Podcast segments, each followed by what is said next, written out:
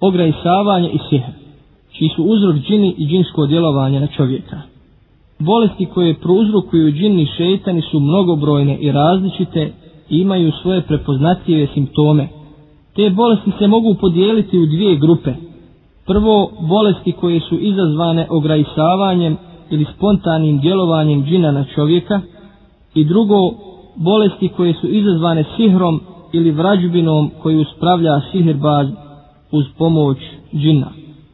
Situacije u kojima se dešavaju džinski napadi su također poznate. Džinski mes ili djelovanje na čovjeka uglavnom se dešava u određenim situacijama.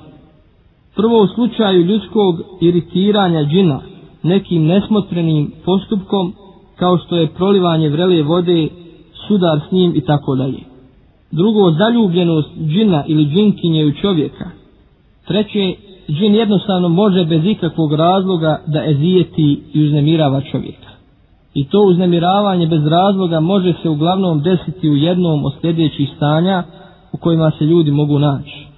Prvo u velikoj srđbi, u velikom strahu, u velikom uživanju i teškoj depresiji.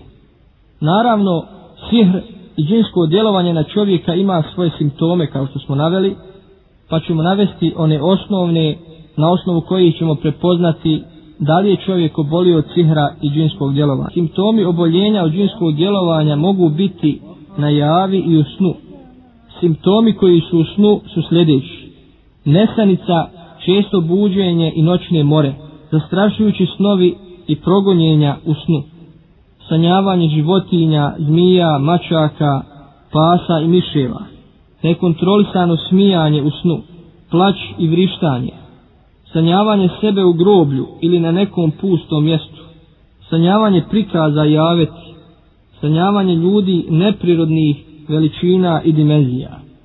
Što se tiče simptoma na javi, oni su sljedeći. Unutrašnji poriv averzije ili odbojnosti i odvraćanja od bilo kakvog vida i badeta, a posebno namaza, učenja Kur'ana i zikra. Konstantna glavobolja koja nema medicinski uzrok, odsutnost duha, fizička alijenost i tromost, kočenja i nervne krize i bolovi u nekim dijelovima tijela kojima ne koristi medicinsko liječenje. Što se tiče džina i džinskog djelovanja, sada ćemo nešto kazati o sihru, jer smo na početku rekli da postoji razlika između spontanog džinskog djelovanja i džinskog djelovanja koje spravlja sihirbaz uz pomoć džina i to se naziva sihr ili vrađbina.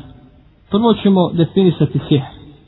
Sihr je vraćanje, zapisivanje, vezivanje čvorova. Ima uticaj na srce i tijelo, pa se kao posljedica toga javljaju razne bolesti, ubijstva, rastavljanje bračnih drugova i ostalo. Kaže Ibnul Qayyim, rahimehullah, to je složeno djelovanje zlih duhova ili džina i podložnost uticaju nad prirodnih sila.